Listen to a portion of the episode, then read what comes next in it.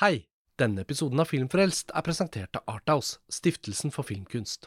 I snart 30 år har Arthouse håndplukket fantastiske filmer fra hele verden som vi får se på kino her hjemme i Norge. Filmer som Celine Siammas Portrett av en kvinne i flammer, Maren Ades Min pappa Tony Erdmann og Thomas Winterbergs Et glass til.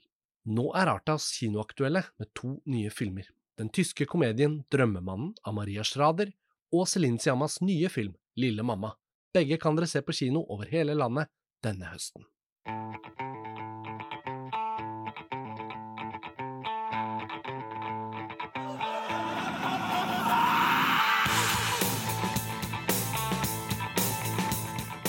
Hei og velkommen til en ny episode av Filmfrelst, podkasten fra filmtidsskriftet montasj.no. Mitt navn er Karsten Meinick, og i dag sitter jeg her over Skype sammen med Erik Vågnes. Hei, Erik. Hallo, Karsten. Det er herlig å ha deg tilbake på Filmfrelst, og nok en gang skal vi ta for oss et litt sånn filmhistorisk tema, da, eller en film fra, i hermetegn, gamle dager, får vi si. Vi skal snakke om Vittorio de Sicas Il Boom fra 1963.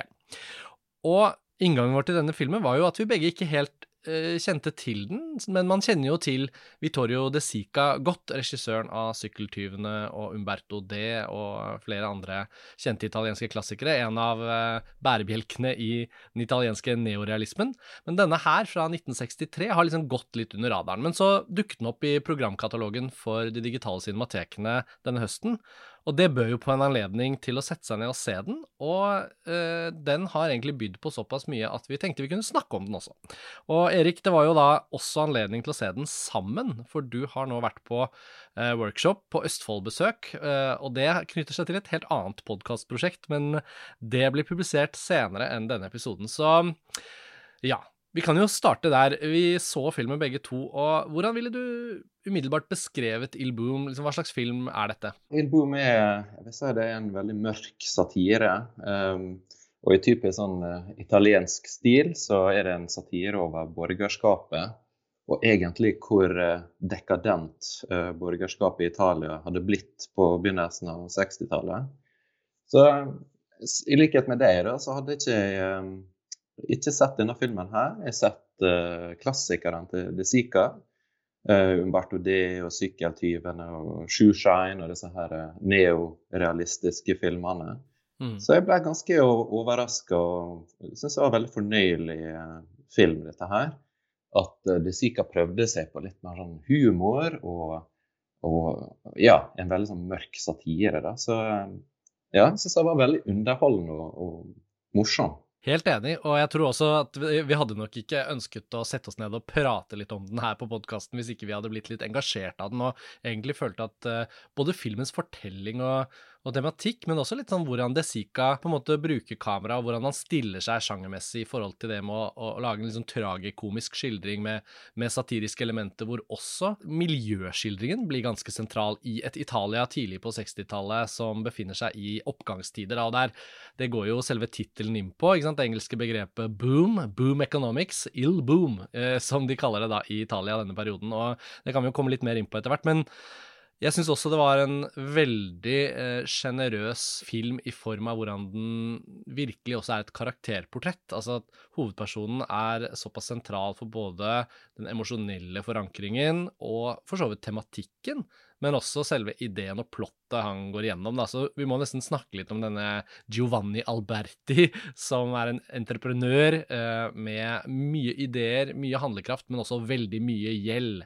Og han, han er så tynget av gjeld når filmen starter, at han har begynt å spørre rundt hos venner og kjente om han kan få litt hjelp, han kan få noe kortvarige lån for å få unna dette gjeldsspøkelset. Og så opprettholder han selvfølgelig også en litt sånn i overkant eh, glamorøs livsstil sammen med sin kone i dette sosietetsmiljøet av venner og kollegaer som kanskje har bedre økonomi enn ham selv.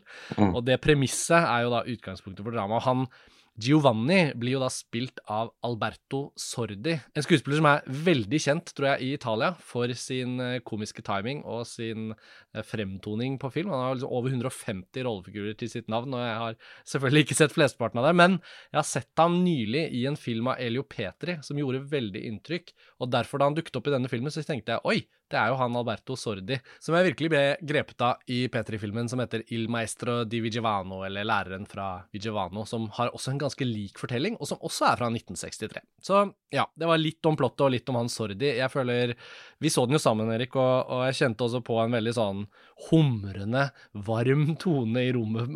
Vi begge ble litt sånn eh, grepet av filmen. Men er det ikke også han selveste, han Sordi og rollefiguren, som er er det som griper mest og raskest? Han er veldig god i den filmen her. Han har en veldig spesiell stil, egentlig. Uh, han er bare et veldig morsomt oppsyn, for han, han ser litt sånn trist ut. Han har litt sånn uh, Buster Keaton-aktig, sånn, litt sånn halvveis steinansikt og litt sånn triste øyne. Og, og, når han også attpåtil er en sånn nyrik luring, da. For det, det er jo han, i begynnelsen av filmen så prøver han egentlig å lure uh, vennene sine og forretningspartnerne eh, altså lurer dem for, for, å kunne opprettholde sitt storforbruk. da. Så han er jo mm. helt uten skrupler. Og hvis de takker nei, så kommer de med en annen frekk kommentar som han sier akkurat lavt nok til at de ikke, ikke hører det. Gjerne en forferdelig karakteristikk over disse her vennene hans. Og så blir han utfordra litt. da, Kan ikke du bare ta forbruket litt ned? Eh, du klarer deg sikkert hvis du bare kvitter deg med hushjelpa og kanskje kutter ut litt luksus osv. Men han er jo fanga også med ei kone som forventer luksuslivet, som, eh, som, på en måte presser han litt da, på at han må levere økonomisk. Og denne her indre kampen der også er egentlig litt tragisk, da, men, men utspiller seg også på en sånn morsom og mørk måte i filmen. Mm. Og det, det, interessante med koblingen til den Peter-filmen jeg nevnte, er at han spiller en litt annen samfunnsfigur i den filmen. Der spiller han en lærer, men han har et veldig sånn likt, komplisert forhold til en kone som krever mer, eller krever noe annet av ham enn det han kan levere, og at på en måte uh, Her i Il Boom så er det jo så åpenbart at han elsker kona si. Han, han har jo virkelig liksom han, han, gjør jo egentlig veldig mye av det han gjør for å holde henne eh, lykkelig, men også å opprettholde det bildet av seg selv. Han ønsker at hun skal oppleve. Så når det begynner å dra seg til dramatisk i filmen, så blir også hans desperasjon drevet av ønsket om å på en måte vinne hennes gunst uh, tilbake, på sett og vis. Da. Men samtidig så syns jeg jo at selv om han er litt kjeltring, jeg er helt enig med deg, så, så har han en sånn veldig eh, lett elskelig personlighet, og det tror jeg har veldig mye med skuespillerne å gjøre, at det du beskriver, ikke sant, den Buster Keaton-aktige, litt sånn vemodige typen som likevel griper alle situasjoner an med en form for optimisme, eh, men som hele tiden blir skuffet. da. Og um, En annen jeg tenker på, er jo faktisk Jacques Tati som skuespiller i sine egne filmer, altså Monsieur Hulot, og disse litt sånne nesten stumfilmaktige fysiske gestaltene som vi har mm. eh, Som vi ser mindre av i dagens eh, filmkultur, men som vi på, i de beste klassikerne kan finne det møtepunktet mellom kanskje litt sånn skolerte skuespillere som kommer fra scenen, som kommer fra et type figurteater eller en tradisjon som kanskje ikke opprinnelig lå filmen så nært. Men når de to møtes, da, eh, så føler jeg at man får en veldig bra match på sitt beste. Og det, det er kanskje det beste jeg kan si om Sordi, at han, han har med seg en sånn måte å være fysisk på som blir mm. veldig levendegjort i et bildespråk som, som, gir ham rom. da, Og De Sica har jo et ganske sånn uh, konvensjonelt, trygt filmspråk, men også et bevegelig kamera her som hele tiden tilpasser seg og justerer seg etter rommene hvor, hvor Sordi kan liksom spille ut den nevrotiske typen. og Du nevnte det med at han sender liksom et lite blikk eller en liten kommentar i mange situasjoner, men han gjør jo det litt sånn til oss også. Føler det er et vi, lite vink fra, fra skuespilleren om at liksom i det en eller annen han har en dialog med om gjeld og lån og sånn, på en måte ikke hører han lenger. Så både kommer han med den kommentaren, men også ser han litt sånn tomt nesten mot kamera, ikke helt inn i kamera, men det er, det er en, han toucher den fjerde veggen av og til, da, eh, syns jeg i hvert fall, og jeg likte det. Og det bringer den der satiren og liksom sjangerbalansen eh, veldig sånn eh, frem i, i, de scenene som er mest sånn åpenbart samfunnssatiriske, eller i hvert fall klassesatiriske, da, hvor denne, denne, litt sånn selvfornøyde, nyrike klassen blir jo virkelig brutt ned av De Sica. Som kommer jo fra neorealismen, hvor, hvor han var nede mm. på gateplanet med kamera rett uh, under og etter andre verdenskrig. og og skildret disse eh, tragiske menneskeskjebnene som vi kjenner fra de filmene vi nevnte, 'Sykkeltyvene' eh, osv. Så, videre. så jeg vet ikke. Det var liksom veldig mange fine ting ved denne epoken i et italiensk film fra 40-, 50- og 60-tallet som møttes her i denne Il Boom. Da. Og jeg er nesten litt overrasket over at den ikke er mer eh, kjent. Ja, jeg mener på at uh, jeg leste at den aldri ble utgitt i USA når den kom. og det, det, kan jo kanskje forklare hvorfor den filmen her er på en måte blitt litt glemt i, i kanskje en si, amerikanske konteksten og videre opp i Nord-Europa. At mm. den er forsvunnet litt fra bevisstheten her. For jeg, jeg syns i likhet med det at denne her, det er kanskje litt rart at den er, den er så glemt. da. Mm. Um, og så er jeg veldig enig i det du sier om at uh, sorry, det er uh, også likende her. For det, vi får jo litt sympati med han. Han er på en måte litt fanga også denne her nyrike overklassemiljøet. Vi merker jo også at det, når han drikker litt for mye og, og, på en måte ja, det løsner litt, og han uh, kanskje sier ting han ellers ikke ville ha sagt. At uh, han kanskje ikke ja, holder Altså ser på sine venner i overklassen som så veldig nære, egentlig. da.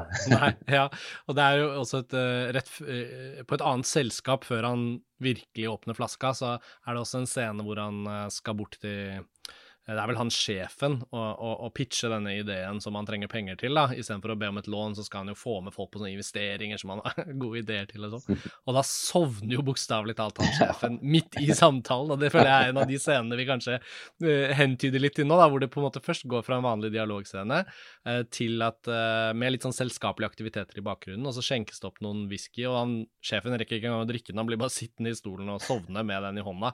Og da har jo egentlig ikke uh, Alberti, da, uh, vår mann i denne filmen, uh, skjenket noe til seg selv, men han blir liksom så oppgitt av scenen at han bare fyller sitt eget glass. Og det første kona gjør, er bare sånn Å, pass på, ikke drikk for mye. Så det er det første signalet vi får om at når det begynner å slå sprekker på ham, at han ikke klarer å holde fasaden, da er han også ja. nært på sine egne svake punkter, da. og så kommer det til full blomst senere. Men det er jo et sånt plottelement ved filmen eh, som vi kanskje skal også fortelle om, da, før vi, ja. eh, før vi går videre inn i tematikken og sånn. fordi vi skal jo ikke avsløre hvordan alt dette går, men det er jo et element ved hvordan dette løser seg sånn gjeldsmessig. Ja, for det, han, han, prøver jo desperat å, å uh, få dekket denne gjelda si, og, um, og uh, på et tidspunkt så forlater jo kona også huset og tar med seg ungen deres. Så han blir virkelig desperat. Da, og da møter han en boligmagnat. Signore Bausetti. ja, og kona. Og, og, mens han boligmagnaten da han, han, ser litt ned på, på denne karakteren. For han er sånn nyrik sånn uh, boom-kapitalist, mens han her har bygd opp sin, sin, sitt eget firma fra bunnen av det. Mm. Uh, så mens han driver og snakker med noen andre, så kommer kona bort og liksom hvisker til han at du, du må komme bort til meg litt seinere i dag, og det er noe vi må snakkes om. og litt sånn blunker litt, da, så, så første man tenker, er jo at uh, det er noe uh, gigolo-aktig ja. uh, som skal skje. Og så når han kommer hjem igjen, så får vi, får vi en slags tvist. da, For det, det, hun er villig til å slette gjelda så mer til, men dealen er at han må gi opp øyet sitt. For han her boligmagnaten han er altså ødelagt Han er blind på ene øyet i ei ulykke og, og, også ødelagt øye. Da. Så, så eh, han har lyst til å kjøpe øyet. Altså. Ja, det er så bra idé også. Jeg tenker, det, det, er så mange motiver som også dukker opp når en sånn idé eh, legges fram i en film. fordi det er jo ikke en nyre, og det føler jeg er liksom det organet man oftest hører om at ja, ja, jeg er villig til å gi en nyre for det, eller ikke sant, organdonasjon osv. Men det er noe så veldig symbolsk også over hvordan hun nærmest ber om et øye for et øye, da. ikke mm. sant? At uh, selv om det eneste han får tilbake er penger og sletting av gjeld, så er det likevel noe så voldsomt symbolsk. Og det gjør jo også Desika bruk av uh, etter at dette forslaget blir lagt fram. Så er det jo både nærbilder av disse øynene, og, og jeg føler blikket i filmen blir også litt annerledes. Plutselig får han han, mens han vurderer om han skal gjøre dette, så tester han jo ut og holder seg for det ene øyet og lurer sånn OK, hvordan ser jeg nå? uh, den scenen når han står ved krybben, eller ikke krybben, men vel sitt eget barn i barnesengen og liksom ser på sønnen sin sånn med det ene øyet. altså, det, det, er jo tragikomisk, men det er også veldig sånn lekent og morsomt løst i filmspråket, da. Så dette, dette premisset, dette forslaget, blir jo selvfølgelig filmens liksom inngangen til filmens andre halvdel, hvor man eh, da eh, må, må, ta del i det dilemmaet som godeste Alberti da står i. Er jeg mm. villig til å ofre et øye for å få komme meg ut av denne gjeldsmyra, eller er jeg bygd av noe annet? Har jeg prinsipper som gjør at jeg ikke er villig til å gripe den løsningen? Og det er jo engasjerende problemstilling helt frem til filmen er ferdig. Det er det. Og der er en fantastisk scene der han står, og, står i døråpninga og skal si adjø, og så lukker vedkommende døra akkurat nok til at kun det ene øyet viser gjennom døra. Ja. Og så sier han ciao. ja, det liksom så han sier adjø til sitt eget øye. Noe sant? Ja, det er det jeg også tenker på. Jeg tror det er det vi begge mener innledningsvis når vi sier at dette er en veldig sånn morsom og eh, liksom forførende på en eller annen måte film i forhold til spillet på sjanger, men spillet på hvordan humor og tragedie går hånd i hånd. Da. Det føler jeg liksom at også?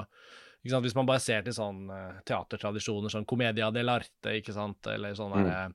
eh, pantomime og hele den derre smilende og triste klovnen om hverandre. Jeg føler den, den fortellertradisjonen ligger også og, og kverner under en film som dette, da, selv om det ikke er uttalt, og at eh, filmspråket er noenlunde realistisk, hvis man kan si det sånn. ikke sant? Den, den Mm. opererer jo som en realistisk fortelling, men jeg opplever at uh, symbolikken og liksom uh, nesten mytologien i de motivene, det der med å, å selge øyet sitt, eh, men også det er nesten sånn faustianske over den avtalen. Om at Mm. eh, du har på en måte en løsning foran deg, men den løsningen er egentlig bare døren inn til et annet problem, på en måte, og at det det, det blir også sånn Sisyfos-aktig, at du føler liksom at han kommer til å rulle den stenen opp den bakken om og om, og om igjen, uansett hva han velger. Mm. Og summen av det gjør jo også at når filmen er laget da i 1963, i denne økonomiske oppgangstiden, og at eh, De Sica som på det tidspunktet en ganske merittert filmskaper, da, som har vært så sentral i en, en så viktig filmatisk bevegelse som neorealismen var eh, 15 år tidligere, så så, så tenker jeg jo liksom på mye på hva De Sica og hans faste manusfatter, Cesare Zavatini, hvordan de har liksom tenkt rundt den tematikken de behandler i en film som Sykkeltyvene, da, hvor også et sånt utrolig sentralt dilemma eh, står og, og gjør filmen både tragisk og veldig rørende. Offeret for et sykkeltyveri som selv blir til en sykkeltyv, på en måte. Men mens det italienske samfunnet endrer seg, og denne nyrike generasjonen får penger mellom hendene, så må jo også De Sica som en forteller ha tenkt en, en del på det, og hvordan Italia har endret seg. Og da føler jeg jo litt at dette kanskje er den filmen hvor han egentlig uttrykker mange av de tankene han har gjort seg, da, sikkert i de 10-15 årene, uten at jeg er noe De Sica-ekspert. Mm. Nei, jeg er ikke De Sica-ekspert sjøl, men det er veldig godt det du sier nå. Kanskje denne tragedien i den filmen her eh, altså Det viser jo på en måte den helt sånn ubarmhjertige, råe sider til kapitalismen, eh, som ofte blir glemt, ikke sant? Altså med, med oppgangstid videre, men der, der er liksom noe hjerterått ved, ved kapitalismen da, som de prøver å få, få fram i den filmen her. da. Eh, ja, hva, hva det gjør med mennesket, egentlig, da, i ytterste konsekvens. Mm. Jeg slo opp uh, The Sica i David Thompsons uh, veldig anvendelige bokutgivelse The Biographical Dictionary of Film. Som for de som kjenner den boka, så, så er jo det en, eh, et form for oppslagsverk om eh, filmskapere og skuespillere. Men Thompson skriver om hver og en filmkunstner ut ifra sitt eget subjektive perspektiv og vurdering, da. Så i dette lille kapitlet hans om De Sica, så er han egentlig ganske streng og, og ikke fullt så positiv til uh, han som filmskaper, men han har noen refleksjoner som jeg også syns var litt interessante, og det er jo at Og det kan jeg også huske på når man tenker tilbake på en film som Sykkeltyvene, som, som jo føles veldig gripende. Man, man husker den som en rørende film, men den er også egentlig ganske tilbakeholden når det kommer til å på en måte eh, dykke inn i de følelsene og brette dem ut, og, og, og den blir på en måte ikke så sentimental i filmspråket nødvendigvis, som den oppleves sentimental for publikum, for selve ideen er så gripende for oss. Eh, og noe av det Thomsen eh, slår fast her, er at han kanskje føler at De Sica er for mye omtalt som en slags sånn følelsesmessig filmskaper som har mer sånn sentimentale klassikere, enn at han er også en, kanskje en mer refleksiv filmskaper, da, som er faktisk inne i filmene sine og, og, og tenker på de temaene og bruker historiene og karakterene sine til å faktisk dra i gang noen refleksjoner som for ham er inspirerende, og at det er liksom mye av det som, som driver filmen, sånn som Umberto D, som, som jeg syns kanskje er den aller mest rørende De Sica-filmen jeg har sett. Men jeg tenker på filmspråk og prøver liksom, og det kommer jeg sikkert nå til å tenke på neste gang jeg ser en av de eldre De Sica-filmene, det er jo at han har han har liksom evnen til å få oss til å føle veldig sterkt for ting, men ikke gjennom at han smører på med hva skal vi si, følelsesfremkallende filmspråklige grep. da. Og det er Mm. også tilfellet i Il Boom. Så jeg kan si meg litt sånn enig i Thomsen der at um, her er det jo veldig mye sentimentalt potensial. Altså denne gjelden, denne familien som brytes opp, en rollefigur i Stentrum som vi blir mer og mer engasjert i, og, og, og, og bryr oss om hans skjebne. Men etter hvert som, som, det skrider fremover, og disse dilemmaene blir løst med ulike former for beslutninger og, og sånn, så, så, går jo også Desika inn for hele tiden å holde filmspråket ganske sånn tilbakeholden, og bruken av musikk. Det er ganske sånn perkussiv, eh, ekspressiv musikk som ikke nødvendigvis spiller så på følelsene våre. Så ja, jeg føler jeg lærte litt om Desika også av å se denne Il Boom, da, og kanskje, kanskje, er det litt mer å hente i hans filmografi enn bare de, de minnene vi har om hvordan disse neorealistiske klassikerne var så gripende, som jeg oppriktig opplevde at de var da jeg så dem eh, i, i liksom filmskolealder, hvor jeg prøvde å sette meg inn i de viktige klassikerne, men som de også alltid blir omtalt som. Og kanskje er det en litt sånn forenkling av Desika at man alltid skal snakke om ham som en sånn eh, partikulært eh, emosjonell filmskaper. Mm. Veldig interessant. Så det var i hvert fall et lite utbytte jeg fikk av å, å, å gjøre det, det Sika-oppslaget her. Og mm, jeg vet ikke, hva tenker du om liksom Det føles liksom som om filmen er ganske drivende og underholdende på rent sånn eh, fortellerøkonomiske termer og her, men eh, syns du filmspråket til Desika her inviterer til noen sånne spesielle tolkninger, liksom? Tenkte du noe rundt det? Nei, egentlig ikke i veldig stor grad. Altså, veldig eh, sånn som du sier, utrolig bra manus og driv fra scene til scene. Den føltes veldig frisk ut.